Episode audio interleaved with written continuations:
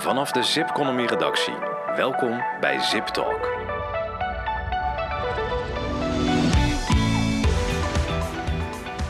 Een hele goede dag en welkom bij Zip Talk, de podcast van uh, Zipconomy. Mijn naam is Narada Bouwland en ik word vandaag bijgestaan door Hugo Jan Ruts, hoofdredacteur van Zipconomy. Goedemorgen. Goedemorgen weer. En we hebben een brief.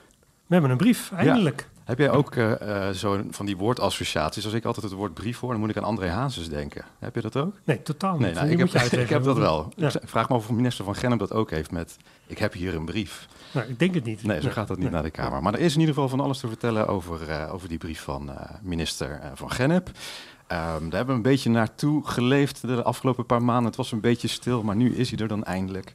En nou, die gaan we bespreken met z'n uh, met z'n tweeën. Maar daar hebben we ook een gast bij en dat is uh, Christel van de Ven. Welkom, leuk dat je er bent. Dankjewel. Jij bent oprichter van adviesbureau Factor 5. Je bent voorzitter van de Vereniging Zelfstandigen Nederland... en voorzitter van Netwerk Zelfstandige Ondernemers... Um, en namens die laatste zit jij ook nog in de SHARE. Ja, klopt. Heb ik dan jouw dagelijkse activiteiten goed omvat? Dan of, heb je inderdaad uh, het allemaal uh, goed uh, samengepakt. Ja, ja, nou mooi. Ik ben trouwens even benieuwd naar jouw eerste reactie op die, op die brief. Wat is jouw gevoel daarbij? Nou, um, ik heb er ook op gewacht, inderdaad. Ja? Dus dat gevoel van wanneer komt hij nou, dat, uh, dat herken ik heel erg. Ja. Um, toen ik hem las, toen had ik wel het idee dat ik eigenlijk iets had te lezen wat uh, twee jaar geleden heel belangrijk was geweest. Maar nu ja. lijkt het een beetje mosterd naar de maaltijd. Hè? Dus het is okay. uh, het voortbouwen op borstlap en het zeg-MLT-advies. Het gaat nog heel erg uit van organisaties die ja, echt behoefte hebben aan wendbaarheid. die echt te kampen hebben met, met crisis, met mensen die een beetje zijn vastgeroest. En inmiddels hebben we een heel ander iets op de arbeidsmarkt. Dat is namelijk krapte. Ja, en hoe ja, zorgen ja. we ervoor dat we gewoon mensen weten te binden? Je ziet ook al dat een heel aantal dingen door die markt nu al aan het veranderen zijn. Dus um, ja, een klein beetje het idee van pakken we met deze brief nou de actuele vraagstukken aan. Oké, okay. nou dan gaan we straks... Uh, ja, bijna per hoofdpunt eventjes uh, doorlopen. Um, maar uh, Hugo Jan en ik gaan het eerst even hebben over de headlines uh, buiten deze brief, want die zijn er ook nog. Zip Talk Headlines.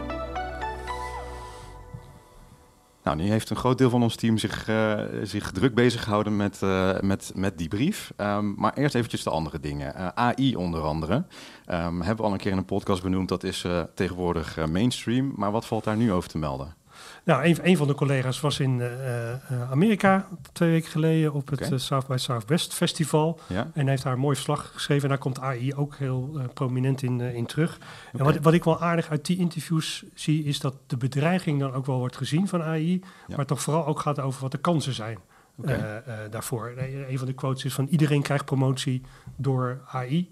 Ja. En, en AI gaat geen banen uh, uh, vervangen, maar het gaat vooral banen uh, veranderen. Okay. En ik denk als je vanuit die bril kijkt, dat AI een, een, een, ineens een stuk minder bedreiging wordt. En je de opportunities kan, kan zien. Interessante interviews. Oké, okay. ik dacht dat dat alleen een muziekfestival was. South nee, nee, nee, nee, nee, nee, Het is vijf dagen, dus ook heel veel kennis. ja, Oké, okay, ja, interessant. Leuk. Nou, die had ik uh, van de week met uh, Joke in de podcast al een klein beetje gesproken over de Total Talent Summit. Volgens mij was je niet tevreden met de diepgang daarvan of, de breedte. Wil je daar nog iets meer over Nou, nee, nee hoor. het, het, uh, ik, ik wilde ook even een brugje naar de brief maken, want ja. um, we hoeven niet meer over die summit te, te, hebben. Maar we hebben wel alle interviews nog eens eventjes ja. samengevat in een e-magazine. Dat is er. Maar wat, wat de toon is, die niet in die artikelen staan, maar die wel besproken werd, daar is, is toch echt de behoefte bij opdrachtgevers, en hier zat zowel de Rijksoverheid als ja. allerlei grote corporates als zorginstellingen, dat zij behoefte hebben in die krappe arbeidsmarkt ja. aan diversiteit in hoe kan ik mensen nou uh, uh, aan mij binden. En ja. hoe kan ik een duurzame arbeidsrelatie ook buiten het vast contract met dat soort mensen opbouwen. En zij missen wel dan heel erg een visie van nou, eigenlijk de overheid van het kabinet of breedte politiek van help mij, mij daarin. Want het gaat alleen maar over inperken en niet over moderniseren daarin. Nou, die ben je ook uh, de grens over geweest om uh, onder andere politiek te bespreken. Je bent naar Brussel geweest um, na dat event. Ja, in Brussel was de World Employment Conference. Dat ja. is de, de, de, het jaarcongres eigenlijk van de belangenbehartigers van de, de bemiddelingsbranche. Ja. Nou, zeg maar de ABU van de ABU's uh, noem ik dat wel eens. Internationaal, heel de wereld kwam, kwam daar naartoe. wat, wat was daar nou interessant aan? Uh, nou, dat, het, dat die discussie over van wat moet je nou met regulering... Mm en en uh, speelt natuurlijk daar ook. Het speelt in heel de wereld. Speelt, speelt, zeker ook op Europees niveau. En wat daar in een aantal discussies wel naar voren kwam... was van hoe vind je nou de balans tussen bijvoorbeeld die platformeconomie gewoon omarmen. Snappen dat dat ook mensen met een afstand, van, tot de arbeidsmarkt uh, kans geeft. En, en, waar moet je nou ingrijpen als het, als het uitbuiting wordt. En je, merkt nog wel in al die discussies dat die balans gewoon nog niet gevonden wordt. En ik moest even terugdenken aan een, uh, ik vond het een prachtig rapport van een jaar of vijf geleden van Matthew Taylor. Labour iemand, echt een links iemand in, in Engeland, maar die heeft in de opdracht van de regering toen een rapport geschreven en samengevat. Omarm nou die, de, de platformeconomie om mensen kansen te geven. Maar zorg vooral bij dat mensen niet in uh, uh, niet duurzame baantjes blijven hangen. Maar dat ze kunnen groeien daar, daarin. Nou, dat, dat vind ik een mooi, heel mooi uitgangspunt. Wat, wat veel meer omarmd zou moeten kunnen worden. En wat ook de staffingindustrie kan omarmen om mensen aan het werk te krijgen. Maar ze zich dan door te ontwikkelen naar, nou, naar, naar volwaardige banen. Ja. Nou, mooi, dankjewel daarvoor. Um, zullen we het over die, uh, die brief van heb, gaan hebben? Ja. ja. Um, even zien, misschien Christel, eventjes terug naar, uh, naar jou en de, de organisaties die jij vertegenwoordigt. Kan je daar eventjes ietsje meer over vertellen? Want het is, uh, ja. Ik zit niet zo heel erg in al die verschillende ondernemersverenigingen, zelfstandige verenigingen. kan je dat voor mij eventjes uitleggen? Ja, dat, dat begrijp ik. Ja, ja? Ik, ik zal het even kort uitleggen. Um, ik ben zelf voorzitter van VZN, de Vereniging Zelfstandige Nederland. Dat is een koepelorganisatie, een uh, een vereniging van verenigingen, zou je kunnen zeggen. Okay. Die is in september 2020 opgericht door een aantal belangenbehartigers van ZZP'ers. ZZP Nederland, Solopartners Zelfstandig Gebouw, die zijn daar bij de oprichting betrokken geweest. En inmiddels hebben we ook nog een aantal andere partijen. De yogadocenten zijn bij ons aangesloten. Ja. Uh, de mensen die via uh, Bright in de coöperatie zitten voor hun pensioen. Uh, en bijvoorbeeld de zelfstandige stucadoors en uh, timmerlieden van de NOA. Okay. Um, Zo, dat is een divers gezelschap. Ja, dat is een heel divers gezelschap. Ja. Dus, dus we, we hebben eigenlijk een breed spectrum aan ZZP'ers die we met VZN vertegenwoordigen. Ja. Uh, Zo'n 110, 120.000 uh, leden die via mijn leden zijn aangesloten. En wij vonden dat VZN uh, een eigen zetel in de SER zou moeten hebben. Dus wij hebben een aantal jaar geleden, toen de SER zei van... hey, als je denkt dat je recht hebt op een plekje in de SER, steek je vinger op. Hebben wij dat gedaan. Zijn we in gesprek geraakt uh, met de SER. Maar er was ook één technisch detail. Je moet twee jaar bestaan. Bestonden wij toen nog niet. Ah, okay. Wisten wij eigenlijk wel toen ja, wij onze ja, vinger ja. opstaken, maar we dachten we doen het toch. Uh, dat heeft wel iets in gang gezet, want wij zijn natuurlijk niet de enige vertegenwoordiger van zelfstandigen. Mm -hmm. uh, dat heeft in gang gezet dat we gesprekken zijn gaan voeren met PZO, uh, eh, onder andere Margreet Drijvers, hier ook wel bekend. maar ook met MKB Nederland en VNO-NCW. Want ook die laatste twee, ja, die hebben af en toe toch ook wel zelfstandig ondernemers zonder personeel in hun achterban. Ja. Dat zijn bijvoorbeeld mensen die uh, ooit werkgever zijn geweest, maar inmiddels dat op een andere manier doen, geen medewerkers meer hebben. Um, dus uh, wat we hebben gedaan is, we hebben een samenwerkingsverband gesloten. Dat heet dat netwerk zelfstandig ondernemers. Okay. VNO heeft wel benoemingsrecht. Dus het is een beetje via die constructie dat ik dus namens die grote groep in de SER zit. Ja, ja, ja. oké. En uh, het kabinet had ook besloten dat er meer ruimte komt voor zelfstandigen in die SER, toch? Ja, dat heeft de SER zelf besloten. Oh, hebben zelf besloten, ja, okay. ja. en um, dat, dat, dat klopt. Uh, maar wat de SER eigenlijk heeft besloten is... Uh, er zitten nu drie delegaties in de SER. Ondernemers, werknemers en kroonleden. Ja. Die hadden allemaal elf zetels. En we gaan nu naar een situatie waar iedereen er twaalf krijgt. Ja. Um, en dat betekent dat er in ieder geval wel één plaatsvervangende zetel extra voor zelfstandigen bijkomt aan ondernemerszijde. Ja. Dus ik krijg er iemand bij, ik weet nog niet wie. Ja. Maar dat zou mooi zijn. Aan vakbondskant zouden er dan twee mensen met ZZP-kennis moeten komen en één kroonlid. Ja, ja, ja. Um, okay. En ik ben ook met de SER uiteraard in gesprek, want ik vind dat wel, dan kun je met z'n vijven bijvoorbeeld wel weer een groepje vormen. Dus zo proberen we natuurlijk wel gewoon wat meer dat geluid van die zelfstandigen uh, wat beter door te laten klinken. Ja, ja, maar je zou eigenlijk je eigen subcomité moeten hebben met elf zelfstandige vertegenwoordigers? Ja, volgens mij zijn we inmiddels met zoveel dat we daar wel misschien wel recht op hebben. Ja, daar zijn we nog niet, maar nou, misschien wel een mooie opmaat. Ja, mooi. Um, Hugo Jan, die veel besproken brief. Um, kan jij ons daar eventjes in meenemen wat de hoofdpunten daaruit zijn? Ja, dat ga ik, dat ga ik even kort doen. Oké. Het, het, het, het, zou de kerstbrief zijn. Dat heeft alleen maar allemaal wat langer geduurd. Ja, ja paas is het nieuwe kerst, hè? Ja, ja, ja. ja dus paas of aprilbrief noemen we het nu eventjes. Uh, aantal hoofdpunten. Ik ga ze even kort doornemen. Um, nul urencontracten uh, gaan verdwijnen en de draaideurconstructies, dat je iemand altijd tijdelijke contracten dan weer niet en dan weer wel kan doen. Nou, dat gaat verdwijnen. Dat is best een, best een stevige ingreep. Uh, er komt een crisisregeling personeelsbehoud. Okay. Dat klonk ooit, dat was een voorstel ook uit Borstlab. Dat is fors afgezwakt. Maar noem het maar eventjes de NOW permanent. Als er echt iets groots aan de hand is, dan kun je, kan je daarop terugvallen. Ja. Um, uitzend verandert behoorlijk. Wat allemaal, dat staat op Flexnieuws. Maar uh, uh, bottom line is dat, dat uh, de duur van de uitzendkracht, de maximale duur, beperkt wordt tot 52 weken. Ja. Borstlab wilde 26 weken. Nou, de uitzendsector heeft dat op weten te krikken naar 52, maar dat is toch minder dan wat het nu is. Okay. er komt eerder duidelijkheid over loondoorbetaling bij ziekte. Cadeautje voor de kleinere ondernemers. Ik vind het een heel klein cadeautje, dus ik ga daar ook maar niet te veel over in, want het stelt eigenlijk niet zo heel veel voor. Er is wel heel lang over onderhandeld, maar nou, dat, is, dat is dan wat er gebeurt met de doorbetaling bij ziekte. Dan twee items die de zelfstandigen en opdrachtgevers van zelfstandigen uh, raken. En dat is de arbeidsongeschiktheidsverzekering voor zelfstandigen. Die wordt verplicht. Uh, gaan we straks nog even verder over, uh, over hebben wat dat dan, dan precies uit is. Ja, en dat laatste punt is aanpak schijnzelfstandigheid. Hoe gaan we dat doen? En daar stond dan uiteindelijk het is een beetje uh, uh, misschien niet zo leuk voor de luisteraars. Maar er stond eigenlijk weer heel weinig over in de brief. Toch gaan we het daar zo meteen uitgebreid over hebben. Ja, oké. Um, dan gaan we even naar jou, Christel. in meer detail, wat is jouw... Um, um, ja, als je die punten hoort, waar ben je blij mee? Waar zie je dat er nog ja te zitten? Ja, Kijk, wat ik eigenlijk goed vind, is dat er wel iets ligt uh, waarmee we de arbeidsmarkt weer een beetje in beweging krijgen. Hè? Want ja. uh, wij zeggen ook al heel lang, de huidige arbeidsmarkt en de huidige regelingen, die voldoen niet. Uh, die zijn te star, die werken niet. Um, als je iets in beweging en snel in beweging wil laten komen, dan is het wel handig als iets al een beetje rolt. Hè? Dus je moet het eerst zeg maar, van totale stilstand een beetje vlot trekken. En dan al rollend, dan kun je het hopelijk nog een dikke duw geven. Dus ik denk dat het wel heel erg goed is dat er nu wel een aantal stappen gezet worden.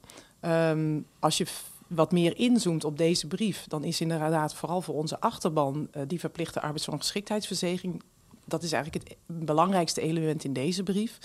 En ja, daar vind ik het wel heel jammer dat de minister een aantal keuzes heeft gemaakt die eigenlijk juist tegen het advies van de zelfstandige organisaties ingaan ten aanzien van die arbeidsongeschiktheidsverzekering. voordat we daar uh, wat dieper over ingaan, gisteren ook een persbericht van de SER uh, en, en, van, van VNO en van FNV. Eigenlijk heel enthousiast allemaal. Dat moeten ze ook, want dit is uitonderhandeld met, met hun toch denk ik, ja, wat, wat er nou voor werkgevers is, is ik, ik vind het heel erg mager. Zeker als je dat uh, naast het advies van de commissie Borstlap legt. Die had behoorlijk radicale punten aan twee kanten. Ja. Fors afbouw flex, maar ook fors verhogen van die interne wendbaarheid. Daar zie ik weinig over terug. En ik ben toch verbaasd dat dat dan toch maar zomaar geslikt is. Dan. Ja, ik, uh, ik deel die verbazing. Ik ben natuurlijk geen vertegenwoordiger van de werkgevers. Maar ik dacht ook van, uh, ja, potjandori eigenlijk. Wat er dan in zit is een heel klein stapje als het gaat over loondoorbetaling bij ziekte. Maar dat zou je ook wel als een Pyrrhus-overwinning kunnen zien. Hè? Dus, want je moet er nog steeds uh, twee jaar voor betalen. Um, ik, ik, begon net door te zeggen van volgens mij geeft de brief geen oplossing op de actuele vraagstukken. Ik denk wel dat de actuele dynamiek uh, mede heeft bepaald wat er in deze brief staat. Want je ziet wel dat er ja, veel aan de kant van de werknemers en de vakbonden, hè, meer zekerheid, uh, toch ja, het vaste contract. Uh, Karin van Gennep uh, roept het echt heel erg vaak. Het staat volgens mij ook iets van 16 keer in die brief hè, van uh, Potjandori. Dat vaste contract, dat wordt weer de heilige graal. Ja, ik denk dat de vakbonden een, een stevige stem hebben gehad. Ja, en het woord krapte staat in die 32 pagina's niet één keer. Nee. Nee. Niet dat ik uh, zag. Nee, ik heb nee, nee, dat niet geteld, maar ja. volgens mij, nee, ik, ik, ik, heb het niet gelezen. Nee, dus, dus zeg je eigenlijk van nou de vakbond Ehm, het was, we waren alle twee gisteren bij een, bij een, de, debatavond. Ik zat te luisteren, jij mocht debatteren. Tu Elzinga, voorzitter van FNV, werd gevraagd... dat is nou, de grootste overwinning van FNV de afgelopen jaren. En hij noemde deze brief. Ja, dat geloof ik ook, ja. Ja, en ik denk ook wel voor de doelgroep waar zij voor opkomen. Hè. Dus mensen die inderdaad misschien wel echt een hele slechte onderhandelingspositie hebben, die heel weinig verdienen, die gewoon echt rotbaantjes hebben. Ik wil niet zeggen dat het uh, slecht is. Hè. Er zitten best wel een aantal elementen in om dat soort echt misstanden aan de basis van onze arbeidsmarkt aan te pakken. Dus ik denk ook dat uh, een vakbond daar met recht uh, heel tevreden over kan zijn. Maar de balans, ja, die. die die miste ik ook wel een beetje van. Wat, eh, wat, wat hebben de werkgevers hier, uh, hier uitgehaald? Ja. Nou, we hebben het heel erg over werknemers, werkgevers. Misschien nog één stapje naar wat er voor de ZZP's uh, ja, in precies. dus, uh, en voor onze luisteraars die ook in de ZZP-bemiddeling uh, kunnen zitten... of opdrachtgever zijn van ZZP'ers... Um, zullen we even met die AOV beginnen? Want kan je daar ja. iets meer details over delen? Ja, nou, er komt, en dat is geen verrassing, hè, een, een verplichte arbeidsongeschiktheidsverzekering. Niet voor ZZP'ers, maar voor zelfstandigen. Dat is, dat is wel een, een, belangrijk verschil met eerdere plannen. Het komt heel simpel omdat de Belastingdienst niet weet wie een ZZP'er is en, en wie geen ZZP'er is. Dus hij gaat gelden voor alle IB-ondernemers. Ja. Lees iemand met een eenmanszaak. En hij gaat niet gelden voor mensen met een BV. Ja, nou, dat, is, dat is de eerste verandering. Uh, Premie wordt percentage van je, van je uh, ondernemersinkomen met een maximum van ongeveer 200 euro per maand. uitkering volgt na één jaar, dus het is een wachttijd van een jaar. Ja. Daarna gaat hij uitkeren en dan gaat uitkeren op maximaal 70% van je laatst verdiende inkomen met een maximum van uh, het minimumloon. Dus dat is een basisuitkering nou, daar, kan je, daar zullen sommige mensen niet genoeg aan hebben. Dan moet je je herverzekeren. Ja. Ik denk dat dat, dat, dat slim is. Um, nou ja, dat is, dat is eigenlijk in, in hoofd, uh, hoofdlijnen. En, voor welk probleem is dit nou een, een, een oplossing? Hè? Want ik hoor jou zeggen uh, minimumloon, ik hoor jou zeggen 200 euro. Dan denk ik, nou, dat is niet heel erg veel. Um, hoe, nou ja, 200 euro is natuurlijk voor, voor bepaalde groepen natuurlijk wel degelijk, ja, ja, precies. Be, wel degelijk uh, een behoorlijk inkomen. Waarvan je kan zeggen, ja, maar je krijgt er eigenlijk beperkt wat voor terug. Ja. Het is een, een behoorlijk bedrag. Voor de kans dat je ervan gebruik kan maken is heel klein. Ja. Maar als je er gebruik van maakt, is het risico heel groot. Want dan ben je echt gewoon volledig arbeidsongeschikt voor jaren. Ja, ja, nou ja, uh, om, om dan niet ervoor te zorgen dat je uh, gelijk je huis moet verkopen, omdat je pas daarna in de bijstand komt, is, is dit wel een soort van basisvangnet. Ja. Er is heel veel weerstand over. Ik denk dat wel één punt te benoemen, niet dat ik dat nou per se vind, maar dat is wel wat de minister erbij zegt. Ja, dit is ook solidariteit. Ja. Een timmerman van 55 plus betaalt 700 euro voor een arbeidsongeschiktheidsverzekering, omdat hij hoog risico heeft, oud is. Er zit hier een acceptatieplicht in, dus het is een basisverzekering voor iedereen. Okay. Uh, uh, en dat moet betaald worden, ook door de mensen die lage risico's doen. Nou, dat is, dat is de solidariteitsgedachte erachter. Ja, ja dus dan wordt uh, netto wordt dan die arbeid, denk ik dan, duurder voor de, hè, voor de opdrachtgever want die ja. ZZP'ers als een tarief moeten verhogen om dit gat, uh, of tenminste die extra kosten te kunnen als nemen. Als hij dat kan, als hij dat kan. Ja, ja. ja. Dan moet je wel in een onderhandelingspositie zitten om dat door te kunnen Ja, dan moet je maar uit eigen zak. Ja. dan wordt het helemaal... Uh, ja. maar wat, welk effect verwacht jij dan hiervan, uh, Christel, van dit, dit soort maatregelen? Is het dan dat uiteindelijk iemand dan toch maar denkt van... nou, dan, kan ik, dan is zeg maar de business case voor mijn zelfstandigheid is er niet meer. Dan kan ik misschien beter in dienst gaan. Of, of wat voor een effect verwachten we hiervan? ja, Um, ik weet niet precies wat het effect uh, gaat zijn. Dus ja. dat is volgens mij ook. En, en eigenlijk de vraag is ook voor welk uh, probleem is dit een oplossing? Ja, dat vind ik een hele terechte vraag. Uh, wat mij opvalt is dat de minister in de persconferentie ook zegt: ja, dan um, gaat dat inderdaad geld kosten voor de zelfstandigen. Maar daarmee ja, krijgen we ook wat minder oneigenlijke concurrentie op basis van arbeidsvoorwaarden. Waar ik me grote zorgen om maak, is dat ja, 200 euro is voor een heel aantal mensen best op te brengen. Moeten we ook eerlijk in zijn. Je krijgt er ook bar weinig voor. Hè? Dus als het voor jou heel weinig makkelijk op te brengen is, dan krijg je later ook wel een uitkering waar je waarschijnlijk niet van kan leven. Want dan is je waarschijnlijk je uitgavenpatroon ook gebaseerd op dat je dat makkelijk kunt opbrengen. Dus dat is eigenlijk deel 1. Ik denk dat het effect misschien wel kan zijn dat mensen denken: oh, dat is geregeld. Uh, en als ze dan inderdaad in die nare situatie komen, dat ze eigenlijk zich niet hebben bijverzekerd. Uh, dus dat zou nog wel eens een effect één kunnen zijn voor de mensen die veel verdienen of behoorlijk verdienen met het ZZP-schap. Twee is voor de mensen die um, heel weinig op dit moment inkomsten halen, maar wel degelijk zelfstandig ondernemer zijn, daar gaat het veel voor kosten. Dat zijn ook vaak de zelfstandig ondernemers die juist heel weinig mogelijkheid hebben om te onderhandelen over hun tarieven. Ja. Dus ik denk dat die mensen uh, eigenlijk nog minder koopkracht gaan krijgen. Naast afbouw van zelfstandige aftrek, naast verdwijnen van middelingsregelingen. Ja. Uh, dus daar denk ik eigenlijk dat er een probleem wordt afgewenteld weer op een zwakke groep. En dan heb je eigenlijk het tegenovergestelde. En de derde groep die ik wil noemen, ja. uh, want zo zie je, het is een heel divers clubje, die zelfstandige ondernemers. Um, uh, wij horen ook wel uit onze achterban dat het voor een aantal groepen wel degelijk een uitkomst kan zijn. En dat zijn dan bijvoorbeeld inderdaad de zelfstandige timmerlieden of stucadoors. Ja. Die hebben nu vaak heel veel moeite om een verzekering te krijgen bij een private verzekeraar. Die kost dan heel veel geld. Ja. Uh, en heel vaak uh, kunnen ze die pas af, eigenlijk afsluiten tot hun zestigste. Ja. Maar ja, in die laatste jaren dan, ja, dan wil loop je misschien wel meer risico. ja. Of dat je rug het niet meer doet of dat je knieën versleten zijn. Vrij grote kans. Ja. ja. En die groep zegt, nou, misschien is dit voor mij eigenlijk wel een uitkomst. Dus het is een generieke maatregel. Er zit heel veel diversiteit in die groep zelfstandige ondernemers. En het zal dus voor iedereen ook anders uitpakken. Ja. Jullie zijn niet moordicus tegen dit, uh, dit plan. Het is overigens natuurlijk ook weer een uitwerking van een eerder akkoord waar PZDOLA mee, uh, mee gewerkt uh, heeft. Ik heb het hier nog, nog liggen van een paar jaar geleden jullie grootste bezwaar is die wachttijd van, van een jaar. Jullie zouden dat liever naar twee jaar willen. Uh, ja, nou, wij zijn niet moordicus tegen solidariteit. Hè. Ik, uh, mm -hmm. Je zegt het zelf ook al. Uh, het risico op langdurige arbeidsongeschiktheid is een, een risico wat eigenlijk heel klein is. Het is maar heel weinig mensen dat het overkomt. Maar als het je overkomt, dan ben je echt de pineut. dus wij vinden het eigenlijk wel goed dat we daar in Nederland op een solidaire manier naar gaan kijken. Dat iedereen, ongeacht hoe hij of zij werkt, wel eigenlijk verzekerd is tegen dat grote risico, wat je niet in je eentje kan dragen. Uh, vanuit VZN zijn we eigenlijk altijd wel mordicus tegen een aparte verzekering geweest voor ZZP'ers. Wij hebben altijd gezegd, maak daar een collectieve basisvoorziening van, net als de AOW. Dan heb je dus ja, een kleine basisvoorziening voor oude dag en ook voor arbeidsongeschiktheid. Nou, die weg die heeft de minister uh, nooit willen bewandelen. Hè. Ik denk nog steeds dat dat het allerbeste is sowieso hè, voor de hele arbeidsmarkt.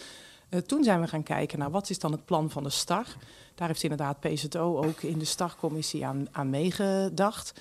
Uh, en vanuit die zelfstandige organisaties zijn daar twee hele belangrijke elementen in naar voren gebracht. Dan moet de wachttijd twee jaar zijn. Dat heeft te maken met de betaalbaarheid, maar dat heeft er ook mee te maken dat wij vinden dat je twee jaar als ondernemer prima zelf moet kunnen oplossen. En er zijn hartstikke goede andere alternatieven voor die eerste twee jaar. Broodfonds, schenkring, dat was één. En twee is, uh, er moet een opt-out zijn. Dus je moet het op een andere manier zelf kunnen regelen.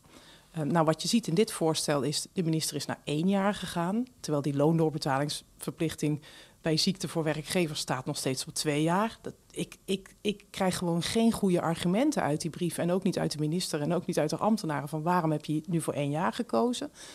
Uh, en er staat wel iets in over we gaan die opt-out mogelijkheid onderzoeken. Maar daar krijg ik een beetje buikpijn van als ik die passage lees. Want daarvan denk ik, nou, of die overeind blijft. Dus de twee elementen die wij vanuit zelfstandige organisaties hebben aangegeven ten aanzien van die arbeidsongeschiktheidsverzekering, die zijn dan ook nog eens van tafel geveegd. Nou, dat vind ik uh, heel onverstandig.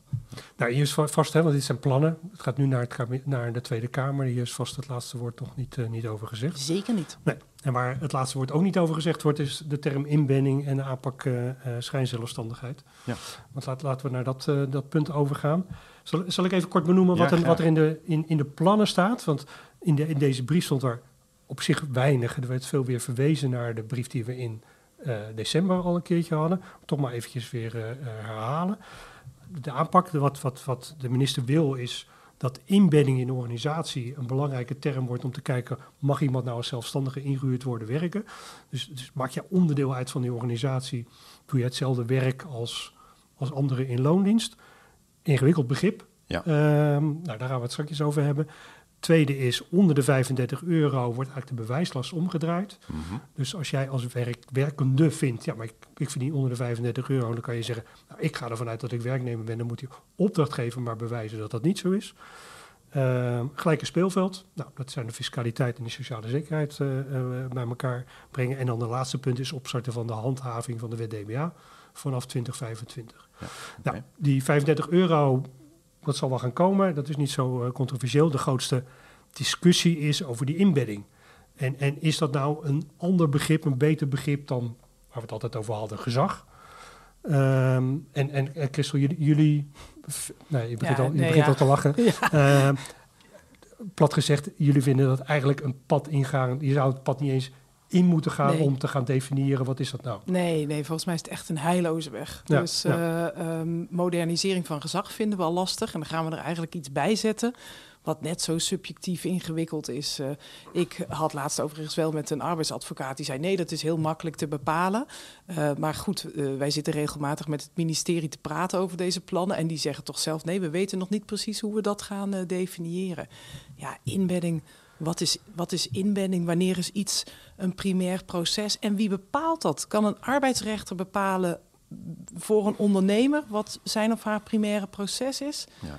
Ehm, niet doen, zeggen wij. Nee, en dat niet doen, want het is want ik heb de brief hier liggen, dat hebben jullie al, al eerder naar eh, het ministerie gestuurd. Ik heb de minister daarna gevraagd eh, eh, maandag.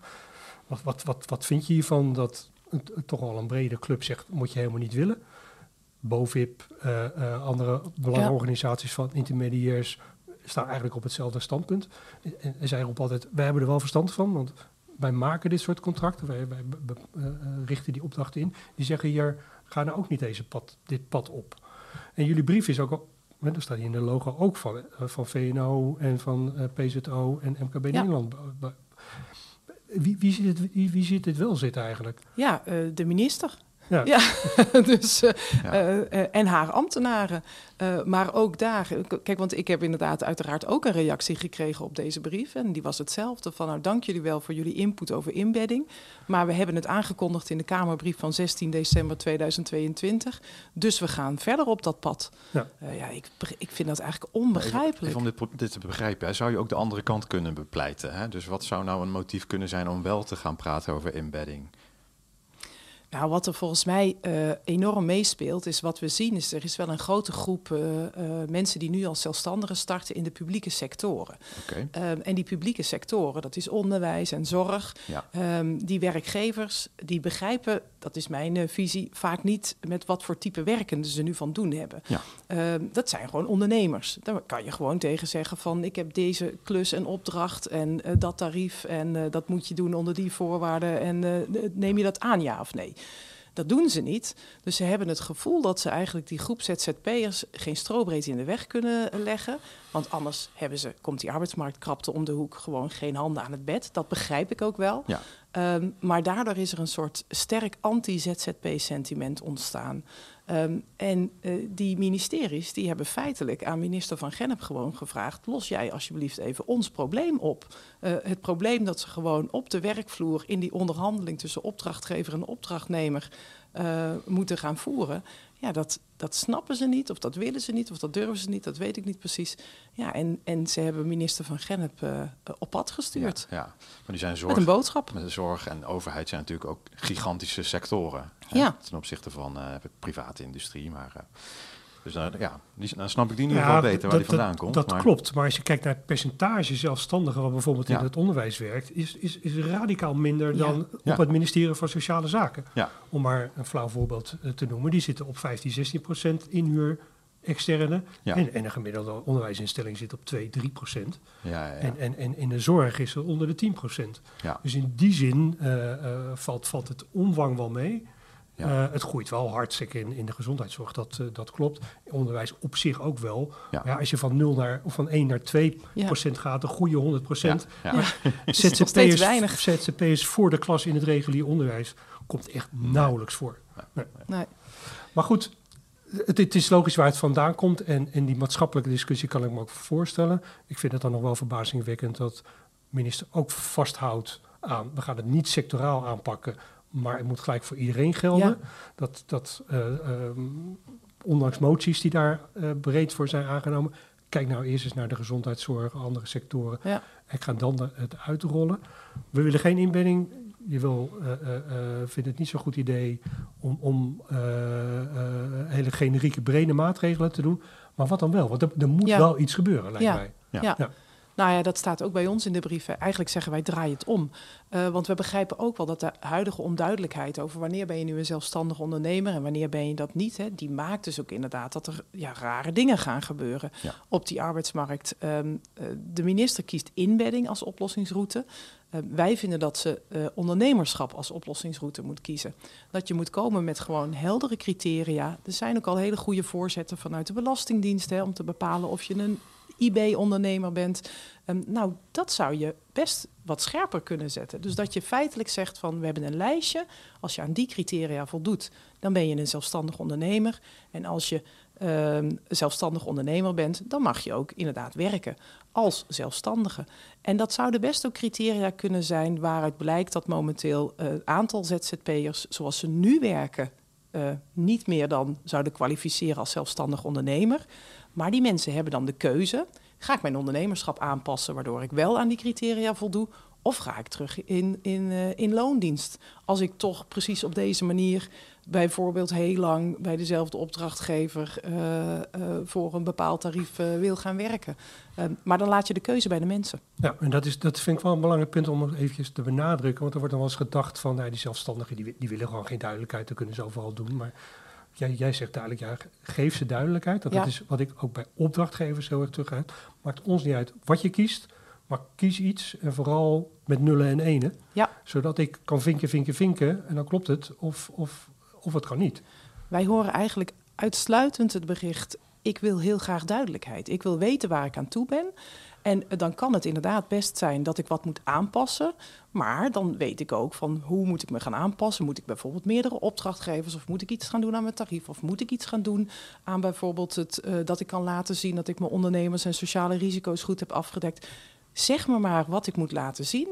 Ik wil heel graag blijven werken als zelfstandige. Dan ga ik ervoor zorgen dat ik aan die criteria ga voldoen. Nou, en dat is dan ook hè, dat, wat je zegt van het uitgangspunt neem je het individu dat nemen we als uitgangspunt. Dat is, dat, is, dat is een beetje techniek, maar ook waar ik nog geen duidelijkheid over krijg van waar kijk je nou? Kijk je nou naar het werk of naar de werkende? Ja. Kijk je naar de opdracht en hoe is die geformuleerd? Is dat ingebed of, het gaat, of gaat het om de persoon die is ingebed? Nou, zolang je daar geen keuze in kan maken en eigenlijk het verschil niet, niet, niet, niet begrijpt, als ik het zo mag, uh, ja. mag zeggen, en niet de consequenties daarvan begrijpt, is, uh, loop je toch een moeras in. Ja. Uh, ja. ja, en ik merk wel dat het, het, het is echt de wijze waarop je kijkt. Hè? Dus um, veel mensen kijken naar zelfstandig ondernemerschap als een soort zijpad van het arbeidsrecht. Dus het is een ander type uh, arbeidsrelatie. Um, en ik vind dat we moeten kijken van zelfstandig, zelfstandig werken. Dat is eigenlijk een nieuwe tak van ondernemerschap. Uh, en dan kijk je er met hele andere ogen naar. En dan kijk je naar de ondernemer in zijn totaliteit. En uh, wat we nu proberen te doen, is we proberen eigenlijk zelfstandig ondernemerschap te duiden met het arbeidsrecht. Nou, dat, dat, dat, dat, dat is eigenlijk al een hele rare paradoxale insteek. Uh, ja. En ook dit is best wel vaak gezegd, hè? Ja. Gerrit Boot, en daar hebben we laatst nog in een interview ge, uh, gehad. Die heeft ooit de wet DBA ge, beoordeeld voordat die werd ingevoerd. Die wees ook nog in dat interview op, ja, we hebben ook een Europees recht op ondernemerschap. Ja. Hij, hij, roept al jaar, maakt nou een knip tussen beoordeling arbeidsrecht en het fiscaal recht. Ja. En beoordeel nou primair het vanuit de fiscale kant. Ja. Um, en dan houden mensen altijd nog het recht om, om zelf te claimen, ik ben toch werknemer. Ja. ja. Maar de minister zet bijvoorbeeld ook de Tweede Kamer aan de kant. Hè? Want er is een motie ingediend eind vorig jaar die ook zegt van laten we nou gewoon zelfstandig ondernemerschap ook gewoon opnemen en een definitie en in het wetboek. Uh, dat is een motie destijds geweest van ja 21, maar hij is ja. gewoon aangenomen. Dus ja. de meerderheid van de Kamer heeft gezegd, vinden wij een goed idee. Nou, dat wordt ook gewoon snel en gemakkelijk terzijde geschoven.